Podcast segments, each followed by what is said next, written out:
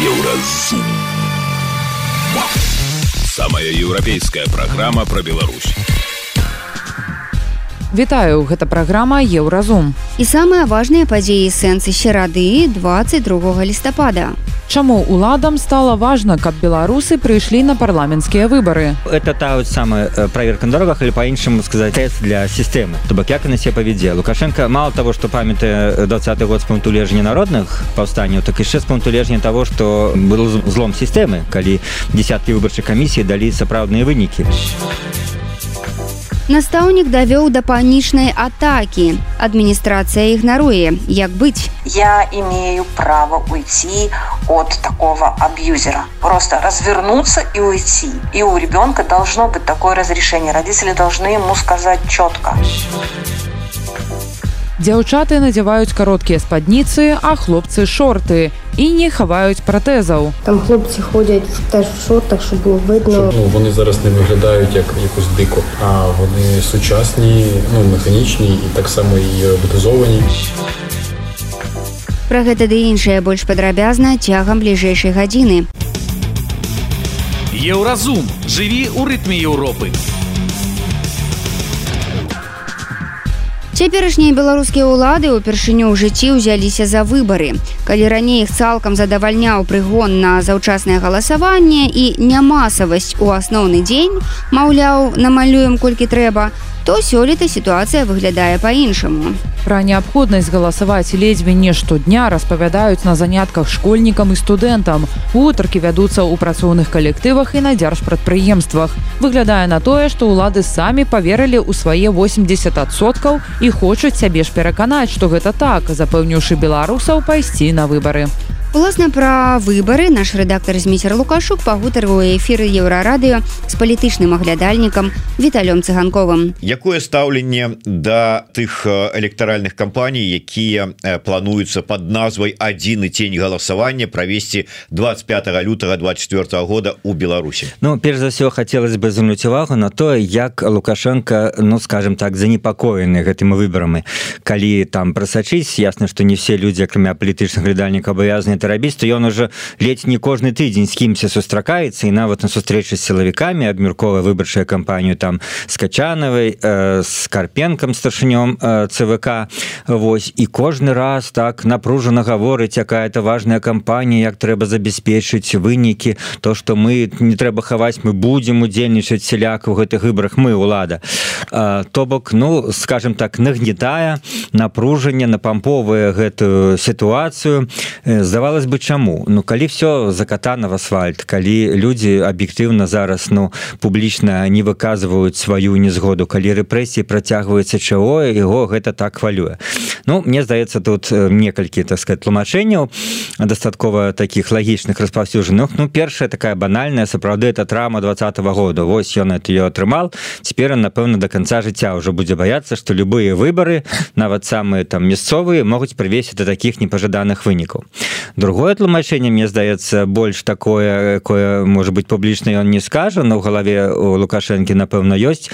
Ён ведае ён гэта бачыў 91 годзе як гэтыя депутаты которые верховным савеце бСр тады яшчэ былі на 85 процентов членамі камуністычнай партыі як они в свой час все перавернуліся прогаласавалі за забарону кампартыі за незалежнасць забіл чего на белы сцяг і ён ведае як это можа адбыцца в крытычны момант з людзьмі якія здаецца былі абсалютна лаяльныя той уладзе і таму ён вельмі хвалюецца что як э, трэба адабраць таких людзей э, каб якія будуць ну прызначаны в гэтые все выбарчыя структуры маецца навазе э, будуць прызначаны в советы і в палату прадстаўнікоў і в мясцовыя советы каб не дай Боже туды не зацісался ніякі апозіцыянер. Нават ён далейшы опыт мае. Памятаеце в адной з палаце прадстаўнікоў э, былі такі генерал фролоў депутат скрабец хлопец які прайшлі як звычайныя так сказать паслухмяныя ўладзе людзі а потым стварылі там даволі жорсткую апозіцыю праводзілі галадоўкі і нарабілі вельмі шмат шороху і прынеслі вельмі шмат шкоды уладзе так что вот менавіта гэты... часы былі іныя э, так? по цяперашнім часе ці такое Мачыма Ну вот былі у нас у э, палаце прадстаўнікоў э, анісім і канапацкая. Ну і что Ну это былі так. Іншыя часы калі іх ну скажем допусцілі туды про пропусцілі туды для того что каб была лібералізацыя але паказальна что уже памятаеце яшчэ до двадцатого года. В девятнадцатым годзе вот якраз у гэты дакладна дзень не вспомню лістападаўскія дні былі выборы в палатку. І тады уже нікога не пусцілі. Тады ўжо цяперашняя палатка такая абсолютно была стэрильная Вось ну может быть трошки депутата варанецкого можна вспомнить які такі неадназначнымі про беларускімі заявамі вылучаўся. Але в целом таких ну скажем людзей якія сябе хоть неяк представлялі капазіцыянеров уже не пусцілі гэта уже был пачатак пералома что ўжо кажуць вот двадцатым годзе дарэчы это зусім іншая вялікая тэма лукашенко уже в 19 пачал рыхтаваць весь гэты пералом ему уже дакучыла гэта лібералізацыі пачалося з таго что 19 годзе в палатку нікога не пусцілі потым ён пачал прызначаць сілавікоў змяніл румаса пачал урад таких ну сілавікоў фактычна і пачал уже уперліся все адносіны захадам уже далей не было куды развівацца не было куды далей лібералізаць то бок двадцать год был невыпадковы дадзен нападку але чаму ён і ну вот боится бо нават ну савецкі час вот ты люди могли павярнуцца і зараз нічога не гарантуе ну атрымліваецца выбачаві так я перабіваю атрымліваецца что вот а, прынцыпе мы паступова ну дакладней лукашенко і яго рэжым ішлі до той сітуацыі якую мы маем і на сёння толькі яна как бы абвальна здарылася але яны паступова до гэтага. Так ну, лічу, до гэтага безумоўна план быў кожны раз это адбываецца пасля десят год калі ну таксама был разгул дэмакраты на той узровень. І потым здавалася что ну выборы продайся далей пойдзе але адбылося 19 снежня разгром пасадка всіх кандыдатаў амаль всіх кандыдатаў прэзідэнты 80 там часова былі скажем так затрыманы хтосьці выйшаў хтосьці не.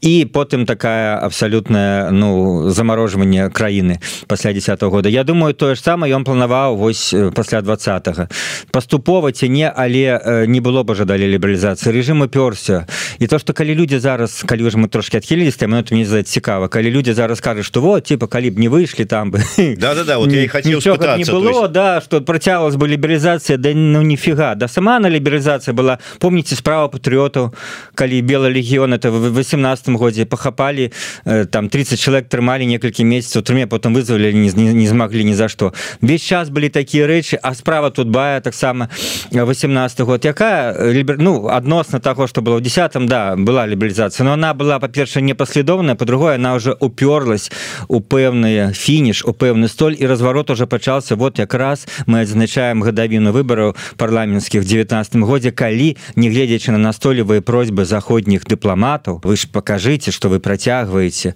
Ну хоть кого-нибудь мы зразумеем гэты крок. Нет лукашенко ніводнага не пусціл в тую палатку 19 годзе.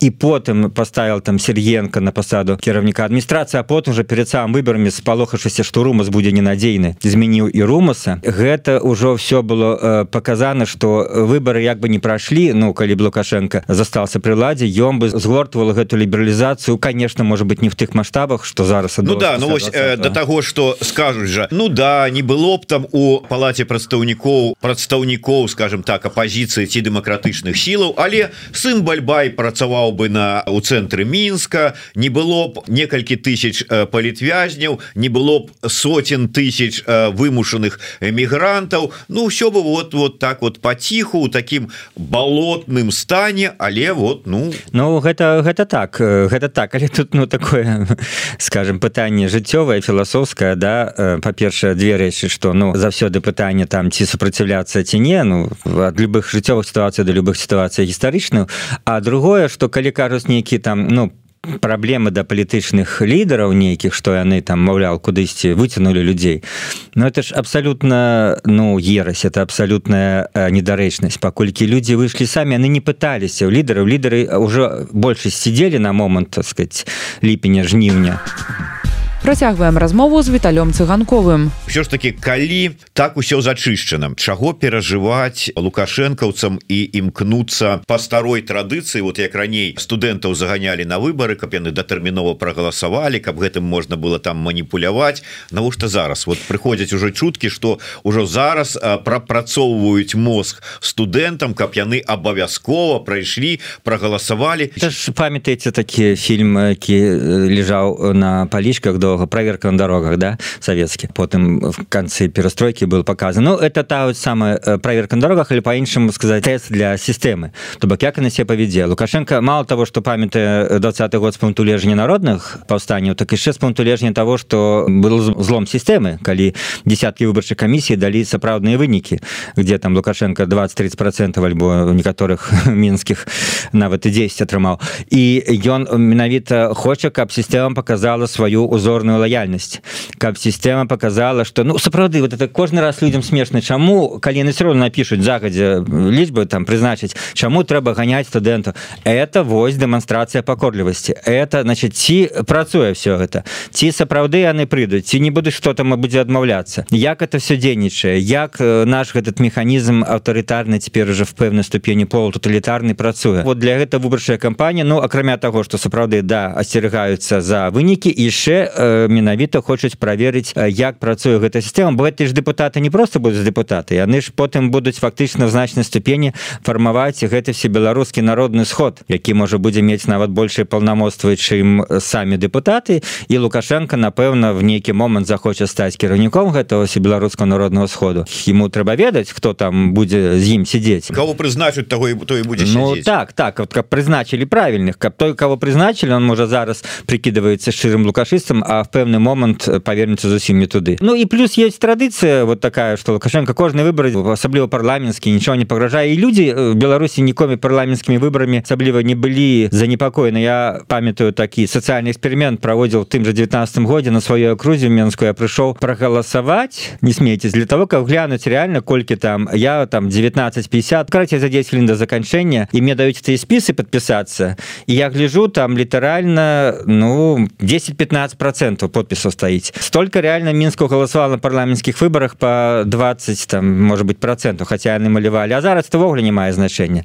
это просто показчик наколькі люди былі індыферентны да гэтых выбораў а потым на маёй же этой акрузе я страфаваў 9 жніўня 20 где чарга была 300 чалавек з дзвярей школы на улицу. А на парламенцкіх выборах я один стаял паўгадзіны ніхто не прыходзіл так что парламенцкі выбор ніколі в лукашыцкай сістэме людзей асабліва не хвалявалі люди разумелі это был такі ну альбо абыякавасць альбо реальны байкот выбору реально люди так да его ставіліся як все ж таки зараз ужо пачаліся дыскусіі як людям сябе паводзіць? Ну калі там яны конечно прыслухаюцца до наших парадаў ну і калі у іх будзе магчымасць прыслухацца тому что можа быть запатрабуюць там где-нибудь на заводах каб прыносілі нейкія доказы того что чалавек схадзіў і прагаласаваў. Так вот ваше бачанне як все ж таки варта у гэтай сітуацыі сябе паводзіць? Першую такую зноску трэба сапраўды сказаць что мы напэўна тут можем разажаць на это слых але не даваць ніякіх парадаў людям якія беларусі. Вот у меня літаральна учора был дубой які сёння выйдзе на Ютубе і я был даволі ўражаны хоць і быў падрыхтаваны загадзя калі рыхтаваў перадачу што вось у мне удзельнічаў Віталій Машевскі адзін з лідараў беларускай хрысціянскай дэмакратыі і ён казаў што ну ты актывісты парты якія застались Беларусі яны хочуць асабліва на мясцовым узроўні яны хочуць в гэтых выборах паўдзельнічаць бо яны лічаць што ён так такой пазіцыі што я не магу раіць але я перадаю то што людзі там гавораць што это ну адзіная магчымасць ну не паказаць альтэрнатыву конечно все гэта рызыкоўна все гэта пытанне бяспекі першым чынам і хто і хто уже свяцілася на нейкіх акцыях то ему лепш на этой выборы не ісці але вот іншыя людзі яны ну як сцяжае Віталь там і мы можем па сваіх нейкіх іншых контактах з Беларусі яны но асабліва ты людзі які не неабыякавы давно былі да палітыкі тая ж старая пазіцыя яны лічаць што ну мясцовы выбор это адзіны можа момант дзе можна паказаць і выйти на контакт з насельніцтвам ну юрыдычна легальны мясцовыя праблемы падняць ты якія невыгодныя ўладзе так что ну вось такое вельмі спрэчнае пытанне бо конечно таких людзей многія ну ну будут сильно абінаваціць вот в некой там не знаю легітымізацыі режиму то прынцыпе і говорила мне іншы удзельнік Анатоль котову что это фактычна будзе калабарацыя вось удзел в любой форме в гэтых выборах. Так что дыскусія ёсць і я в гэтай дылеме с одного боку что люди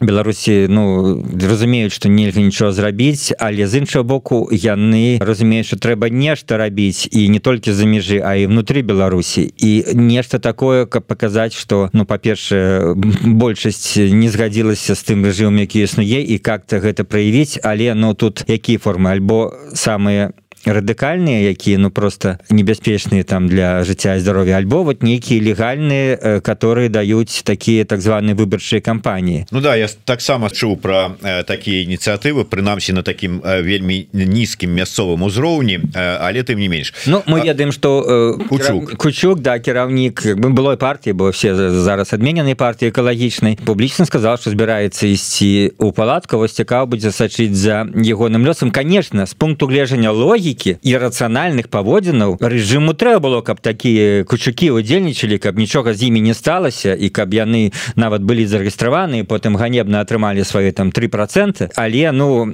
з пункту лежання логікі дзеяння гэту рэжыму не заўсёды удаецца так сказать аналізаваць бо многія дзеянні абсалютна нерацыянальна нелагічная чыста на нейкам эмацыйнай злосці непрыняцці настроены. Бо конечно лагічна было б давно бы і рэпрэсіі спыніць так сказать колькі за гэта захад даў і вызвались там пачынаючы ад пачобыта там заканчиваючы беляцкімі семі астатнімі і это было б лагічна рацыянальна это то что мы ад яго скажем палітычныя глядальнікі чакалі ад рэжыму в розныя моманты вот пасля двадцатого году але вось он працягвае э, рэпрэсій і тлумачыць сейчас глядальнікі что он працягвае рэпрэсіі паколькі разумее что толькі он их спыніць то знову адбудзецца рэвалюцыя знову адбудуцца народныя хваляванні но это ж какой-то даецца не зусім уж такі стопроцентно правільны аргумент. Вот что вот зараз калі режим вызвались палітвязняў то яны адразу пойдуць на вуліцы устраивать новые мітынги ну как-то не вельмі это выглядае пераканаўчым. То бок рацыянальна было б режиму вызваляць паціху палітвязняў то ён то не робіць. І это якраз ставіць ступор что заходнікаў что в іншых рацыянальна мыслячых людзей. а Гэта быў палітычны аглядальнік Віталь цыганкоў. Ён паразважаў наконт стратэгіі дым сілаў на будучых выбарах у парламент і патлумачыў, чаму ўладам важна, каб Беларусі на іх прыйшлі. Еўразум. Беларусь у еўрапейскім фокусе.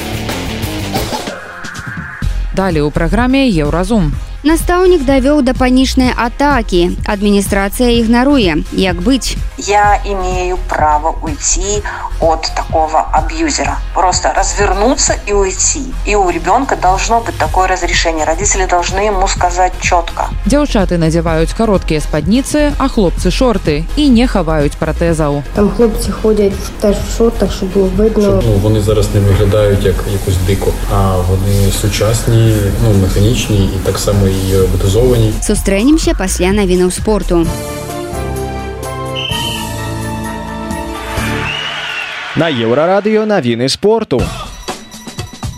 Футбольная зборная Беларусі на пазітыве завяршыла сваё выступленне ў адборы чэмпіянату Еўропы. У гасцях яна абыграла Косава, адзін гол забіў Дмітрый Антилеўскі. Беларуская зборная заняла ў групе чацвёртае месца. На збор жаночай зборнай беларусі выклікалі 24 футбалістак. З іх 8 гуляюць за мяжой у клубах рассіі францыі і турцыі. Першага снежня у венгрыі пойдзе хатні паядынак лігі нацый з камандай чэхі. А праз чатыры дні зборную чакае гасцявая сустрэча супраць зборнай босніі і герцагавіны матч адбору футбольнага чэмпіянату свету паміж зборнымі бразіліі і аргенціны на маракане у рыады жанейра пачаўся са спазненнем на паўгадзіны. Прычынай гэтага сталі сутыкненні заўзятараў з паліцыяй. Канфлікт пачаўся пасля таго як бразільскія фанаты асвісталі гімн аргенціны у выніку госці на чале з леанелем месі перамаглі 10 аргенціна лідыры ў групе бразільцы ж наш бразільцы ж на шостым месцы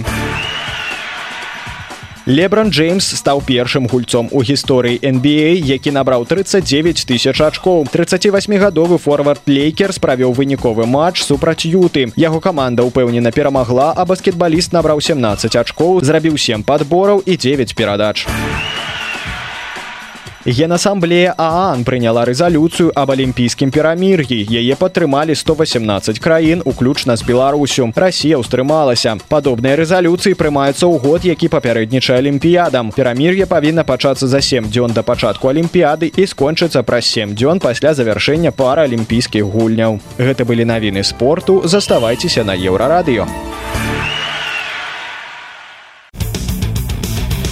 Еўразум жыві ў рытме Еўропы. У адным з бацькоўскіх чатаў мама старшакласніцы падзялілася непрыемнай гісторыяй.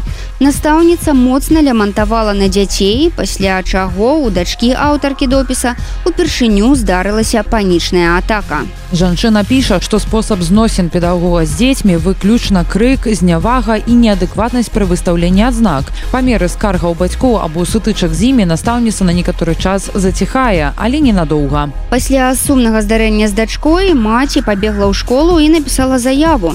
Але як высветлілася, завуч хутка звальняецца, а дырэктара ў школе пакуль няма. Атрымліваецца, гэтая настаўніца аб'юзерка будзе і далей працаваць. І я вельмі сумняваюся, што ёю хтосьці сур'ёзна зоймецца, А калі прыйдуць новыя начальнікі, яна здолее выкруціцца і змяніць кантэкст. Такая ўжо ж круцелька, гэта кажа маці дзяўчыны. Звычайна сутыкаючыся з падобнымі гісторыямі еўрарадыё звяртаецца ва ўправленне адукацыі раёна, у якім размяшчаецца школа. Калі вы хочаце паспрабаваць вырашыць праблему, ананімнасць тут недарэчы. Кожны раз нас просіць удакладніць нумар навучальнай установы, каб правесці праверку. Ці варта бацькам скардзіцца вышэй ці хаця б прыстрашыць часовую адміністрацыю, што калі меры не будуць прынятыя ўнутры калектыву, яны пойдуць на гэта тлумачым у нашым рэпартажы. Псіхолог Наталя Скіпская звяртае ўвагу на тое, што адносінах школа вучань апошні знаходзіцца ва ўразлівым залежным становішчы. Таму бацькі заўсёды павінны абараняць інтарэсы свайго дзіцяці. У школьніка павінна быць упэўненасць, што ёсць дарослыя, якія на яго баку. Як мінімум гэта бацькі, якія зразумеюць, што сітуацыя ненармальная, паспачуваюць і падтрымаюць. Скажем так честно, что всегда были такие преподаватели, и времена были не раз уже такие, да, то есть как бы в советское время было тоже засилье э, таких неадекватных преподавателей, и, и, и мы проживали такие истории. Соответственно, не, вс, ну, не все выходят э, такими жертвами-жертвами и, и порушенными из этих отношений. Что здесь дает силы? Это как раз-таки разрешение родителей уходить из плохих ситуаций. То есть, если я знаю, что со мной плохо обращаются, если на меня орут, если меня гнобят, если, тем более, если, не дай бог, на меня там замахиваются или там физическое насилие какое-то применяют, я имею право уйти от такого абьюзера просто развернуться и уйти. И у ребенка должно быть такое разрешение. Родители должны ему сказать четко, если ты чувствуешь себя в небезопасности, если тебя унижают, оскорбляют, ты имеешь право встать и уйти не оставаться в классе, не терпеть, не слышать этот ор, не, не присутствовать при всем этом насилии, потому что же ведь нам травматично и наблюдать насилие, да, если даже не непосредственно на ребенка обращено вот это все отношение, а если с кем-то рядом так поступают, дети очень эмпатичные, они принимают это как со мной тоже так может быть, да, это тогда очень страшно. Ты можешь встать и уйти, вот это очень важное послание, важное сообщение, которое должны дать э, детям с, э, родители. Не учите их терпеть, не учите их терпеть. Вот и все. То есть как бы если такое случится, я тебе разрешаю уйти из класса. Я тебе разрешаю уйти с урока. А што калі бацькі перакананыя, што б не адбывалася ў школе, вушань павінен сядзець на уроку. А калі сварацца за адзнакі, не жадаючы разумець, што яны могуць быць неаб'ектыўнымі. Па словах псіхолага, такія таты і мамы прычыняюць сваім дзецям яшчэ большую шкоду, асабліва калі ў каго-небудзь з іх ужо пачаліся панічныя атакі. Школьнікі і так у жаху ад таго, што адбываецца, а блізкія дабіваюць іх сваім неразуменнем і проста ламаюць ім псіхіку. Але вяртаемся да гісторыі. Хтосьці з дзяцей дзяцей спрабаваў дапамагчы хтосьці пабег за класнай успамінае мама школьніцы у якой здарылася панічная атака. Сама настаўніца пачала чапляцца да дзяўчыны. А дак ты слабая і нервовая. У мяне гэта таксама было ў дзяцінстве. Жанчына абураецца паводзінамі педагога ад якой пацярпела яе дачка. Але ці навучаюць настаўнікаў як паводзіць сябе ў такіх сітуацыях? І што мы ўсе павінны пра гэта ведаць у прынцыпе? Панические атаки это просто выглядит и чувствуется страшно но это не угрожающее жизни состояние И человек, у которого бывают панические атаки, должен пройти, ну, как минимум, одну консультацию психотерапевта, чтобы знать, что это такое, как с ней справляться. На самом деле, несмотря на то, что это очень страшно проживается, это не угрожающее жизни состояние, и а, оно достаточно легко а, купируется. Поэтому ребенку, конечно же, нужно оказать помощь э, информационную в первую очередь и научить его, как справляться с э, паническими атаками, потому что эта история не сиюмоментная, она не случается за секунду. У этого всего мероприятия есть э, предвестники, которые нужно просто научиться отслеживать, контролировать и вовремя делать необходимые действия. Вот. А то, что э, они случаются, ну, это получается, что ребенок чувствует свою беззащитность, он хочется, хочет убежать куда-то, не может найти способа убежать или места, куда убежать, кроме как внутрь себя спрятаться где-то. Но это говорит про такую вот очень большую незащищенность, неуверенность ребенка в ситуации, где он находится. Соответственно, из такой ситуации надо ребенка изымать. То, что касается людей, которые находятся рядом с человеком, который проживает паническую атаку, то им нужно сохранять спокойствие, не э, повышая уровень тревоги, и делать, в общем-то, достаточно простые вещи. Ну, как-то говорить там, смотри на меня, я рядом с тобой, дыши, да, то есть как бы нужно поддерживать вот это вот дыхание не ускоряющееся, потому что во время панической атаки человек э, физиологически сам повышает себе э, уровень гормонов стресса. То есть он начинает, у него учащается пульс, он начинает быстрее дышать, делает короткие выдохи, и таким образом он накручивает себя и переходит это все в физиологическую реакцию, вот, вот в такую, как, как она есть. Да? Ну, тут стратегия дышать медленно, выдыхать э, дольше, чем вдыхать, да, то есть как бы можно помогать человеку в таком случае дышать, то есть говорить там вдох, выдох, вдох, выдох. Таким образом, да, помогая ему не э, ускоряться, а наоборот замедляться. То есть, когда ты э, дышишь концентрируясь на своем дыхании, в общем-то, паническую атаку сложновато э, словить. То есть, э, скорее, если ты прислушиваешься, там, как ты дышишь, о боже мой, что со мной сейчас происходит, боже, боже, я сейчас умру и так далее, это же все проживается эмоционально очень страшно. Вот, то есть, как бы нужно отвлечь человека. Ну, например, говорить, посмотри, посчитай там все зеленые предметы в комнате, теперь посчитай все синие. Вот, ну, и создавать такую ситуацию, в которой человек будет себя чувствовать более уверенно, например, ну, как бы предложить ему сесть, может быть, даже на пол, да, опереться о стену, а, там, чтобы он не, не, не, дополнительно не боялся, что он еще, например, может потерять сознание, упасть, удариться головой. Вот. Ну и, соответственно, не пугать его и не, там, не кричать, и вызовите скорую, там еще что-нибудь такое нужно сохранять спокойствие. Наш класс просіў замяніць настаўніка, але не выйшла. Расказвае мама старшакласніцы далей. Адным з магчымых выхадаў сітуацыі можа стаць зварот ва ўпраўленні адукацыі. Хоць варта быць гатовымі да таго, што вам не дапамогуць. А што калі бацькі проста баяцца ісці наверх? Вот есть такая распространенная история, которую мы слышим периодически, как, когда какая-нибудь звезда Голливуда, достигнув каких-то высот, э, имея огромное количество количество денег, обложившись адвокатами и невероятной поддержкой в виде публичности, заявляют, что там когда-то кто-то совершал против нее насилие. Там какой-нибудь режиссер или еще кто-нибудь. То есть эти истории достаточно частые, да, то есть когда э, люди боятся заявлять о совершаемом насилии именно из-за того, что боятся не просто реакции самого насильника, но и реакции общества. То есть не чувствуют поддержку в своем окружении, например, что их никто не может защитить, там ни полиция, ни родственники, ни друзья. А, и не только, не просто не защитить, но даже понять и морально поддержать.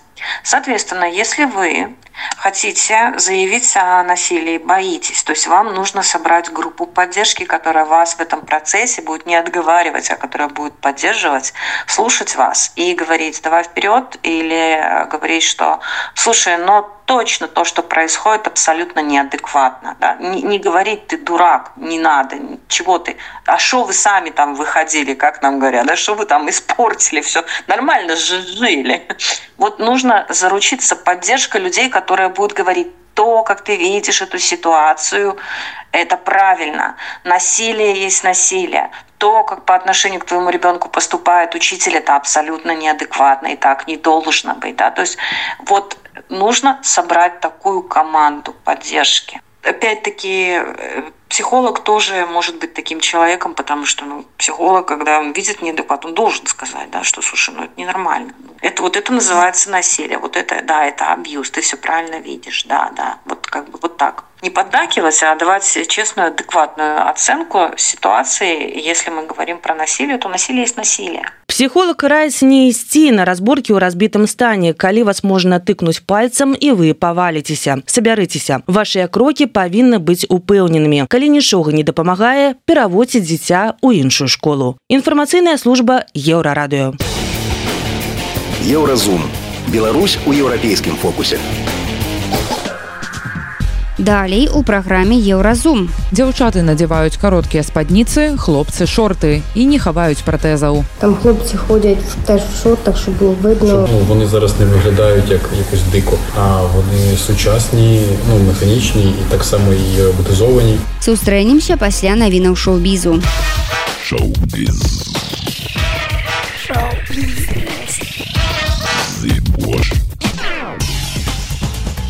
Навіны шоу-бізу на еўрарадыё. Літаратурная прэмія імя ежы гідройца набліжаецца да фіналу. Вядома, што пераможцу агучаць 25 лістапада ў гданьску у славутым месцы двур артуса. Журы вызначылі тры найлепшыя кнігі, напісаныя ў жанры мастацкай або дакументальнай прозы і выдадзеныя ў 2022 годзе. На цырымоніі ўзнагароджвання выступіць гурт рэлікт. Перад падзеяй адбудуцца літаратурная сустрэча з вядомай беларускай літаратаркай Евай вежнавец і прэзентацыя кнігі алесь пяляцкі. Вядома, што падчас прэміі можна будзе набыць набыць кнігі беларускіх аўтараў. Арганізатарамі прэміі з'яўляюцца беларускі пэн і беларускае культурнае таварыства хатка.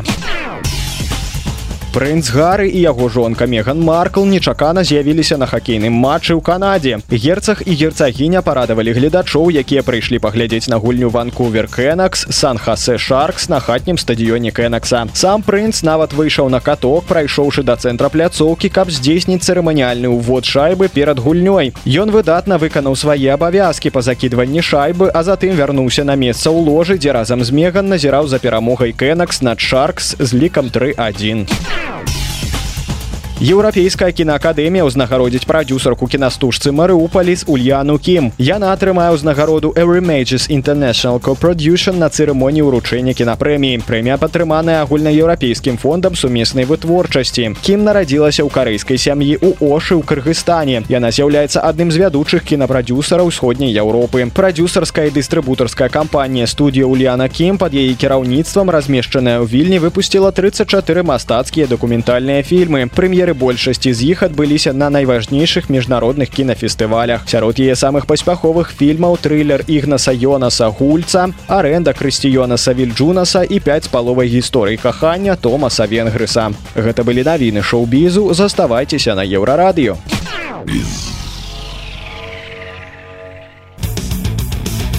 Еўразум жыві ў рытме Еўропы. Пратэз Foundation гэта платформа, якая забяспечвае пратэзаванне і рэабілітацыю людзям, якія страцілі канцавіны на вайне ва ўкраіне. Фонд заснаваў украінскі доктар пратэзіст Якаў Градзінар і бізнесовец з беларускімі каранямі Юрый Арашыдзе. З траўня 22 года да верасня 23 у праграме Пратэз Foundation паўдзельнічалі 114 чалавек. Яны атрымалі 301 пратэз. Рэабілітацыйны цэнтр фонду знаходзіцца ў невялікім прыкарпацкім гарадку. Наша журналістка наведала цэнтр і пагутарыла з яго пацыентамі. Іх гісторыі ў рэпартажы еўрарадыё. Карыне 6 гадоў. Яна хітра жмурыцца і цягне за сабой пратэз нагі.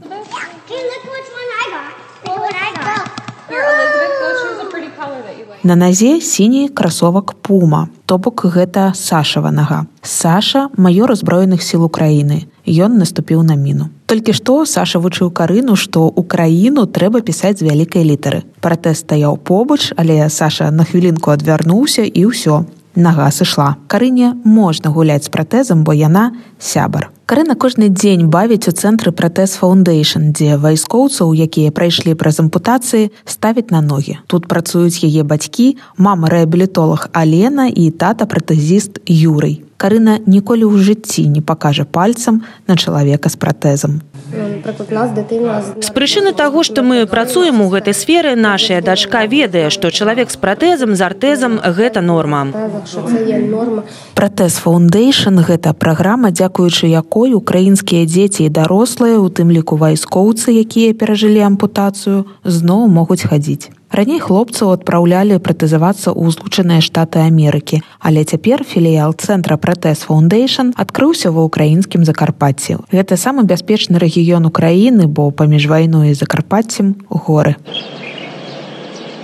Кожную раніцу, калі толькі-толькі адкрываюцца тэрасы мясцовых кавярняў, вайскоўцы ідуць у клініку. Саша просіць пачакаць яго, бо ён хоча набыць цыгареты. І ўсе ведаюць, што ён не будзе стаяць у чарзе. Вайскоўцам амаль ніколі не дазваляюць стаяць у чарзе ў крамах. А вайскоўцам з пратэзам наогул ніколі не дазваляюць. Алена кажа, што да вайны часта заўважала, што чалавек з пратэзам часам саромеўся і хаваў яго. Дзяўчаты надзяваюць кароткія юбкі, шорты, хлопцы таксама шорты, каб бачна было. Каб бачна было. Яны зараз не выглядаюць дзіка, яны сучасныя, рабатызаваныя. таксама і бытызовані. І гэты этап у грамадстве не людзі павінны прыстасавацца да грамадства, а грамадства пад іх. Мы павінны гэта зрабіць, бо яны зберагаюць наш спакой і абараняюць нас.